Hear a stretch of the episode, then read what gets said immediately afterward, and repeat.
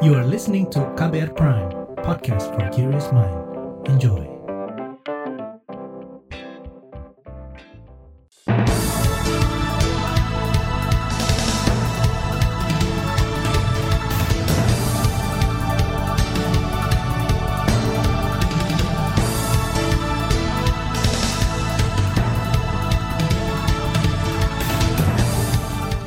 Selamat pagi saudara, senang sekali bisa menjumpai Anda kembali melalui program Buletin Pagi edisi Kamis 23 Juni 2022, saya Malika.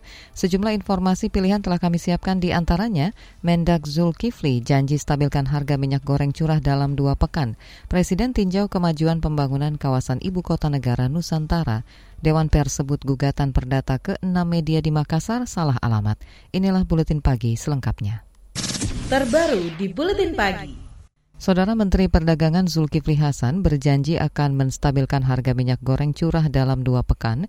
Ini disampaikan usai sidak pantauan harga minyak goreng di Pasar Klender Duren Sawit Jakarta Timur kemarin. Mendak memastikan kesesuaian harga minyak goreng curah yang dijual di warung pangan dan warung gurih seharga Rp14.000 per liter.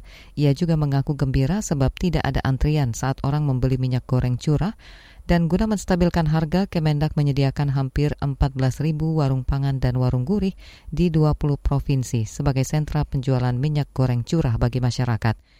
Sementara itu, cara lain yang akan ditempuh Kementerian Perdagangan untuk menstabilkan harga minyak goreng curah adalah mempersiapkan pengemasan sederhana minyak goreng curah bermerek minyak kita dengan mencantumkan harga Rp14.000 per liter. Produk itu ditargetkan pekan depan sudah memenuhi rak-rak penjualan minimarket juga supermarket. Menteri Perdagangan Zulkifli Hasan. Kalau kemis jadi, mungkin nanti Senin sudah diproduksi oleh pabrik-pabrik ya Pak ya. Uh, jadi satu minggu lah kita kasih waktu, maka akan ada minyak curah kemasan sederhana minyak kita namanya. Nah kalau sudah dikemas, yang kemasan dengan kemasan yang baik tentunya harga ditulis 14.000. Nah karena sudah kemasan, itu pasarnya akan lebih luas, bisa masuk di supermarket, supermarket bisa. Menteri Perdagangan Zulkifli Hasan menambahkan kementeriannya saat ini sedang mengurus izin edar merek minyak kita di Badan POM. Peluncuran minyak kita ini digadang-gadang untuk mempercepat peredaran minyak goreng curah kemasan di lapangan. Mendak menargetkan bisa mengedarkan 300 ribu ton minyak goreng curah kemasan per bulan. DPR mengapresiasi langkah yang diambil Mendak Zulkifli.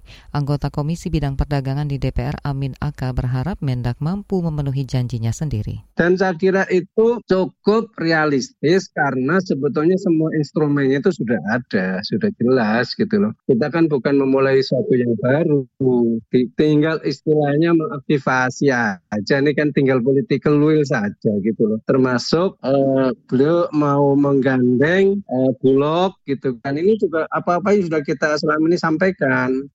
Saudara itu tadi anggota Komisi Bidang Perdagangan di DPR, Amin Aka. Di lain pihak, Induk Koperasi Pedagang Pasar, Inkopas, meminta Menteri Perdagangan Zulkifli Hasan fokus untuk merealisasikan janjinya menstabilkan harga dan stok minyak goreng curah. Sekjen Inkopas Ngadiran mengatakan, pedagang sudah jenuh mendengar janji pejabat terkait penanganan gonjang-ganjing harga minyak goreng kami bukannya tidak yakin, bukannya ragu, karena jangan sampai ini pejabat ganti menteri, ganti menteri, ganti janji, ganti menteri, ganti janji, ganti menteri, ganti janji. Sekarang kan sudah diatasi oleh menteri segala urusan. Mana buktinya sampai sekarang? Ya, mudah-mudahan sih kita doakan, mudah-mudahan itu menjadi kenyataan. Kalaupun tidak ya, nggak usah pakai janji, tapi buktikan saja dulu lah. Sekjen Inkopas Ngadiran mengingatkan rencana untuk menstabilkan harga minyak goreng curah harus disesuaikan dengan kecukupan stoknya di lapangan. Sementara itu, pedagang pasar yang tergabung dalam Pusat Koperasi Pasar Puskopas DKI Jakarta kemarin mengancam siap menuntut pasar menutup pasar selama tiga hari jika Mendak gagal menurunkan harga minyak goreng dan bahan pokok lainnya dalam waktu dua pekan ke depan. Pengamat ekonomi dari Indef Tauhid Ahmad menilai rencana Mendak Zulkifli meluncurkan produk minyak goreng curah kemasan bermerek minyak kita hanyalah kebijakan yang bersifat sementara. Sebab sejalan dengan itu harga minyak goreng dunia masih mahal. Tauhid mendesak pemerintah menerapkan kebijakan yang lebih solutif dan berorientasi jangka panjang. Tentu saja kalau kembali ke posisi mula itu agak sulit. Karena apa? Karena harga internasional tinggi, panjang krisis pangan ini juga terjadi. Krisis pangan ini satunya adalah biaya logistik yang sudah relatif tinggi, biaya bahan baku dan sebagainya termasuk titik sudah relatif tinggi begitu. Jadi eh, apa namanya eh, sulit ke harga 14.000 kalau misalnya eh, modelnya masih seperti ini kalau dibiarkan ke pasar begitu. Artinya ya pemerintah harus eh, apa uh, yang mengambil peranan begitu dengan dukungan uh, anggaran yang cukup besar ya untuk uh, saat itu gitu. Pengamat ekonomi dari Indef Tauhid Ahmad menyarankan mekanisme pelepasan harga ke pasar dan menurunkan besaran pungutan bea ekspor. Dengan begitu pelaku usaha bisa menurunkan harga minyak goreng di dalam negeri. Saudara, bekas Menteri Perdagangan Muhammad Lutfi tadi malam akhirnya keluar dari gedung pidana khusus Kejaksaan Agung Jakarta Lutfi diperiksa sebagai saksi selama 12 jam terkait dugaan korupsi persetujuan ekspor minyak mentah kelapa sawit CPO di Kementerian Perdagangan untuk periode 2021-2022. Kepada pers, Lutfi menyatakan akan taat hukum dan sudah menjawab pertanyaan penyidik dengan sebenarnya. Pemeriksaan terhadap Lutfi merupakan pemeriksaan perdana pasca Kejagung meningkatkan kasus itu ke penyidikan dan menetapkan lima tersangka. Mereka diduga menjadi penyebab kelangkaan dan mahalnya harga minyak goreng di pasaran pada April lalu. Presiden Jokowi tinjau kemajuan pembangunan kawasan ibu kota negara Nusantara. Informasinya hadir usai jeda, tetaplah di Buletin Pagi KBR. You're listening to KBR Pride, podcast for curious mind. Enjoy!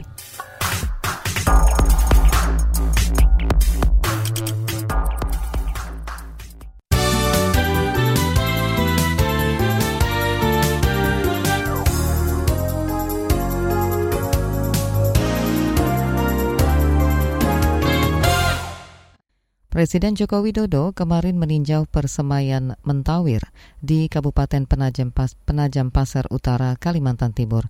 Jokowi mengklaim pembangunan persemaian merupakan wujud keseriusan pemerintah menata lingkungan di kawasan ibu kota negara. Dalam pembangunan IKN, Jokowi menargetkan 80 persen komposisi alami yang akan menjadikan IKN sebagai kota di dalam hutan atau forest city. Selain meninjau persemaian bibit tanaman, Jokowi juga melihat pembangunan bendungan sepaku Semoy yang akan jadi infrastruktur penyedia air baku untuk IKN. Menteri PUPR Basuki Hadi Mulyono mengatakan dalam kunjungan itu Presiden menyampaikan sejumlah kemajuan pembangunan IKN Nusantara. Progresnya ada banyak sekali paket pekerjaan yang sudah dilelangkan.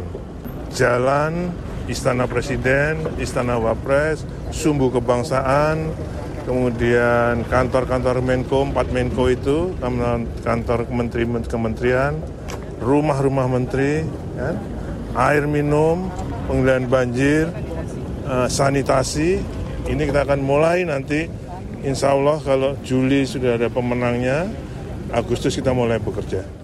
Menteri PUPR Basuki Hadi Mulyono menambahkan jika Juli nanti sudah ada pemenang lelang proyek IKN, maka bulan Agustus pembangunan IKN akan dimulai dengan anggaran tahun ini 5,3 triliun rupiah. Wakil Presiden Maruf Amin memastikan hingga kini mobilisasi masyarakat belum dikurangi meskipun jumlah kasus COVID-19 mengalami tren peningkatan.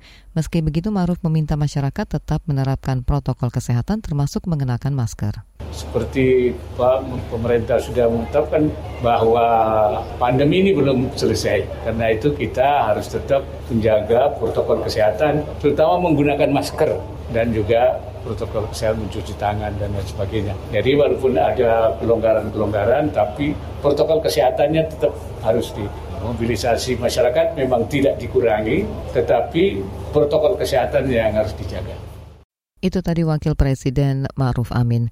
Sementara itu Satgas Penanganan COVID-19 melaporkan jumlah kasus baru kemarin bertambah hampir 2.000 kasus. DKI Jakarta menjadi penyumbang terbanyak dengan 1.200 kasus, diikuti Jawa Barat dan Banten. Kasus aktif juga bertambah 1.200 sehingga total menjadi 11.300 kasus aktif. Kita ke soal lain, Menteri Koordinator Bidang Politik Hukum dan Keamanan Mahfud MD memimpin Satgas BLBI menyita aset di Kabupaten Bogor, Jawa Barat. Lokasi aset berada di Kelurahan Sukaraja, Kecamatan Sukaraja. Aset yang disita berupa tanah dan bangunan dengan nilai perkiraan mencapai 2 triliun rupiah.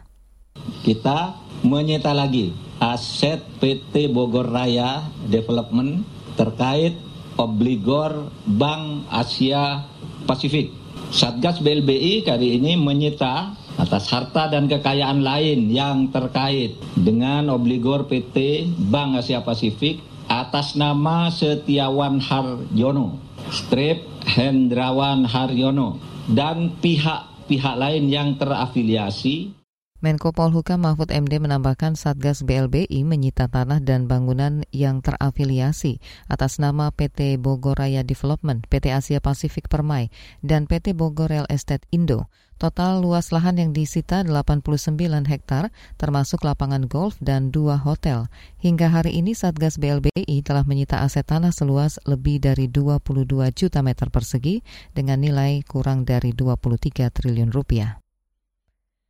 Beralih ke berita ekonomi, tantangan untuk mencapai target pembangunan berkelanjutan atau SDGs akan semakin sulit. Ini disampaikan oleh Menteri Keuangan Sri Mulyani. Sri Mulyani menyebut Indonesia masih dihadapkan tidak hanya pada krisis global, tapi juga masalah stunting hingga kemiskinan.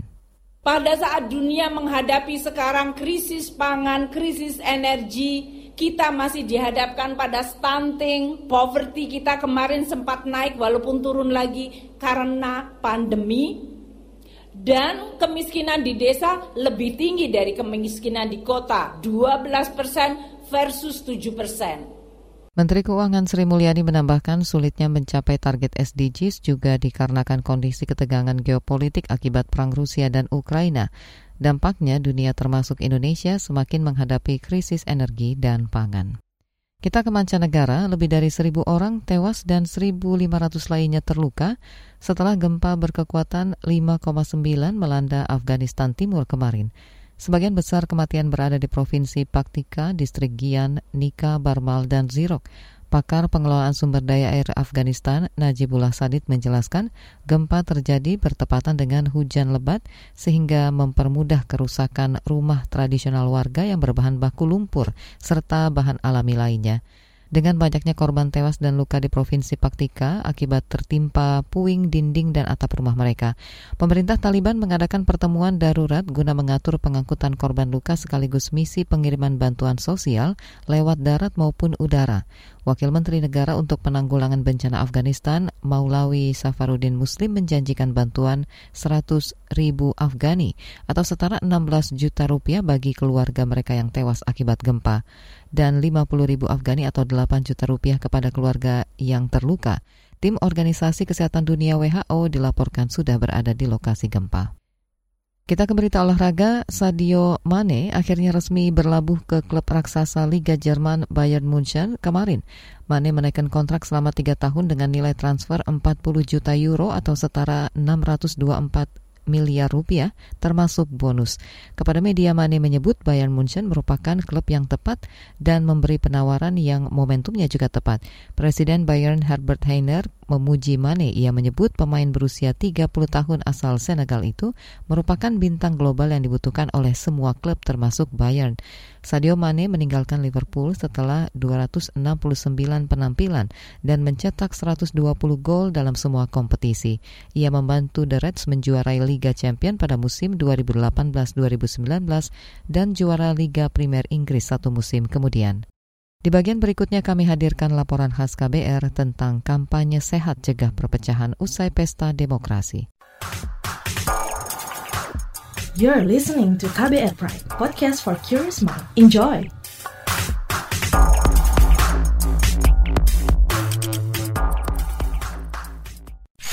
Commercial break. Commercial break. Anda sering gelisah? Tidak bisa tidur nyenyak, selalu merasa ada yang merasuki pikiran Anda.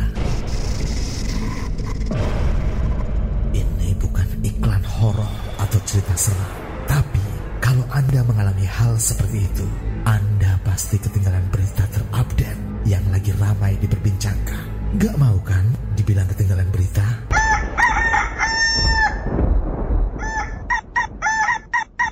Makanya dengerin KBR Pagi, siaran pagi radio paling update menghadirkan narasumber yang terpercaya dan kredibel. Banyak lagu-lagu dari zaman old sampai zaman now. Setiap hari Senin sampai dengan Jumat mulai pukul 7 sampai 8 waktu Indonesia Barat. Bisa didengerin dari Aceh hingga Papua. Cukup satu jam saja untuk membuat kamu tetap update. Woi, ayam siapa nih? Berisik, saya mau dengerin kabar pagi.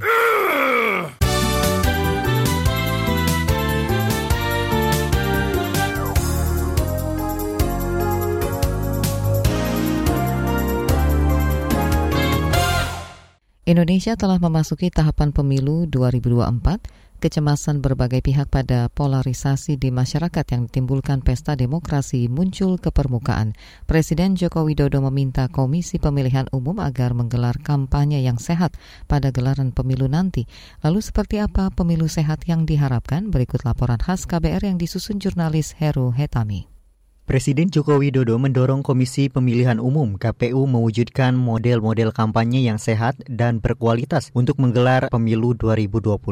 Pesan Presiden itu disampaikan Menteri Dalam Negeri Tito Karnavian dalam acara peluncuran tahapan pemilu serentak 2024 di Jakarta pada pertengahan bulan ini. Berkualitas dan menyehatkan demokrasi, kampanye yang mengurangi mobilisasi orang dengan memanfaatkan teknologi informasi agar kampanye dapat berlangsung efektif mengurangi gesekan di lapangan, termasuk praktik politik uang. Bekas Kapolri itu mengatakan Indonesia harus menjadi rujukan dunia dalam penyelenggaraan pemilu, sebab partisipasi pemilih yang tinggi secara tidak langsung memberikan pendidikan politik kepada masyarakat agar paham tentang hak-hak mereka dalam pemilihan. Merespon hal tersebut, KPU mengakui ada banyak pihak yang menyampaikan kekhawatiran dan kecemasan pada penyelenggaraan pemilu 2024. Itu karena polarisasi masih terasa di masyarakat efek pemilu 2019. Ketua KPU Hasim Asyari mengaklaim telah menyiapkan desain pemilu yang terintegrasi. Artinya, pemilu sebagai ajang pencarian calon pimpinan terbaik bangsa, namun persaingannya tidak menimbulkan perpecahan. Penting kita bersama-sama berkomitmen menjadikan pemilu sebagai sarana integrasi bangsa karena sebagai wujud dari Bhinneka Tunggal Ika. Desain kepemiluan mendukung untuk itu. Kami yakini bahwa pemilu betul di situ dari konflik, terjadi kompetisi, tetapi akan menjadi sarana kita semua untuk mengendalikan diri, untuk menjamin bahwa kompetisi itu berujung kepada integrasi. Ketua KPU Hasim Asyari berharap semangat pemilu integrasi itu didukung kerjasama dari DPR, pemerintah, partai politik hingga masyarakat sebagai pemilih. DPR sepakat untuk bersama-sama mencegah potensi polarisasi di masyarakat. Itu sebab Ketua Dewan Perwakilan Rakyat DPR, Puan Maharani mendorong partai politik turut mencegah terjadinya polarisasi. Salah satu caranya dengan menciptakan sarana kampanye yang sehat. Karena pemilu 2024 bukan ajang untuk memecah belah bangsa. Pada tahun 1955, Presiden Republik Indonesia yang pertama Insinyur Soekarno, Bung Karno pernah memberi pesan kepada kita, pemilihan umum jangan menjadi tempat pertempuran perjuangan kepartaian yang kemudian dapat memecah belah bangsa Indonesia. Puan menyatakan hakikat dan jati diri pemilu sebagai instrumen demokrasi harus dikembalikan. Pada pemilu 2024, DPR, KPU, dan pemerintah sepakat kampanye dilakukan selama 75 hari. Berbeda dengan pemilu 2019 yang berlangsung selama enam bulan lebih. Selain itu, konten informasi dan pemberitaan terkait kepemiluan dinilai turut berpengaruh dalam ajang lima tahunan tersebut. Untuk itu, Dewan Pers akan meningkatkan kualitas jurnalistik di Indonesia seiring dengan dimulainya tahapan pemilu 2024. Ketua Dewan Pers Aziu Mari Azra mengatakan upaya itu dilakukan untuk mencegah munculnya provokasi hingga disinformasi yang diterbitkan media sehingga tidak mengakibatkan terjadinya perpecahan dan polarisasi. Agar kawan-kawan media itu tidak menggunakan diksi-diksi yang bisa memecah belah sesama anak bangsa yang selama ini masih dipakai ya. Kita harapkan itu tidak dipakai lagi. Kedua yang juga sangat penting adalah peningkatan kualitas jurnalistik kita, jurnalisme kita, jurnalistik karena dengan eksplosi media sosial banyak sekali beredar, banyak sekali terjadi disinformasi dan misinformasi dan bahkan banyak sekali hoax, banyak sekali juga provokasi yang mengadu domba di antara masyarakat kita. Ketua Dewan Pers Aziu Umari Azra berharap produk jurnalistik yang diterbitkan di masyarakat sudah terverifikasi dengan baik sehingga produk jurnalistik tersebut tidak digunakan untuk kepentingan tertentu, salah satunya ekonomi. Dewan Pers juga akan menggandeng Polri untuk meningkatkan kualitas jurnalisme, mulai dari tingkat pusat hingga daerah. Sementara itu, pegiat media sosial Wicaksono menilai perlu pengawasan penuh kampanye di media sosial. Menurutnya, tak jarang kontestan pemilu justru mengerahkan pas pasukan kampanye negatif dan kampanye hitam atau black campaign saat pemilu berlangsung. Ketika mereka menjalankan fungsi, terkadang terjadi apa yang namanya negatif campaign atau kampanye negatif, bahkan black campaign atau kampanye hitam sifatnya atau ciri-cirinya ada fitnah, ada kabar bohong, gitu ya, ada misinformasi dan disinformasi. Pegiat media sosial Wicaksono menyebut fenomena itu membuat warganet terpengaruh dan berujung pada terjadinya pola perpecahan. Menurut hasil survei Litbang Kompas pada awal Juni ini, sebesar 21-an persen responden menilai polarisasi disebabkan kesalahan informasi, penyebaran berita bohong atau hoax. Hasil survei juga mengungkap sekitar 36 persen responden menyebut influencer, buzzer, provokator sebagai penyebab utama polarisasi di masyarakat kian meruncing. Laporan ini disusun dan dibacakan Heru Haitami. Saudara sejumlah informasi dari daerah akan hadir usai jeda, tetaplah di Buletin Pagi KBR. You're listening to KBR Pride, podcast for curious mind. Enjoy!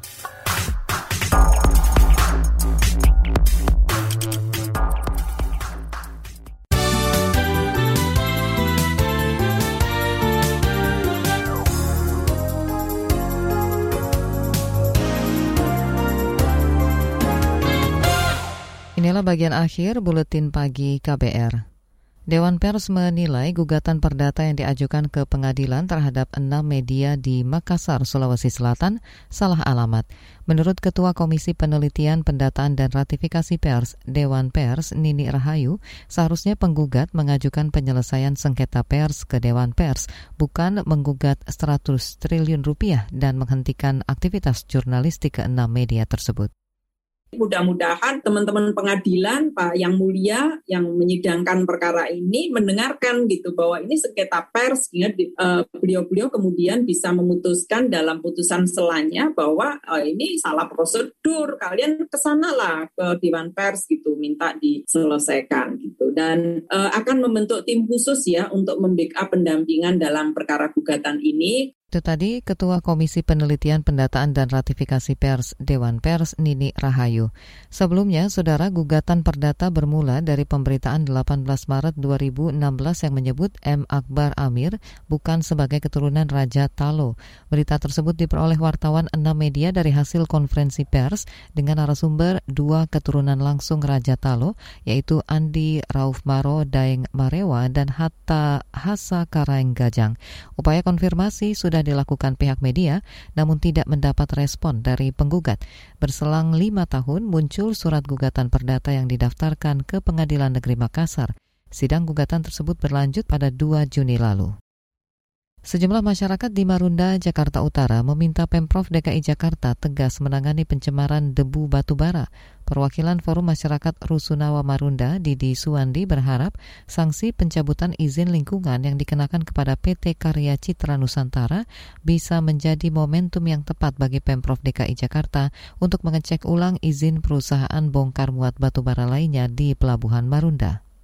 Maka kami berharap bahwa pemberian sanksi eh, kepada PT KCN ini benar-benar eh, diimplementasikan di lapangan sehingga marwah dari SK LH nomor 21 tahun 2022 ini benar-benar langsung eh, terasa oleh masyarakat yaitu tidak adanya debu batu bara di wilayah Rusunawa Marunda dan sekitarnya. Itu tadi perwakilan Forum Masyarakat Rusunawa Marunda Didi Suwandi. Sebelumnya Pemprov DKI Jakarta telah mencabut izin lingkungan PT Karya Citra Nusantara 17 Juni lalu.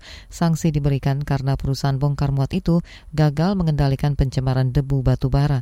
Forum Masyarakat Rusunawa Marunda menilai sanksi itu tepat tapi terlambat. Informasi tadi menutup jumpa kita di Buletin Pagi hari ini. Pantau juga informasi terbaru melalui kabar baru situs kbr.id, Twitter kami di akun @beritaKBR serta podcast di alamat kbrprime.id. Saya Malika bersama tim yang bertugas undur diri. Salam.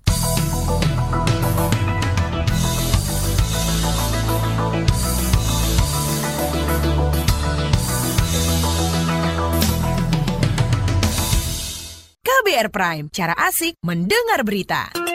KBR Prime, podcast for curious mind.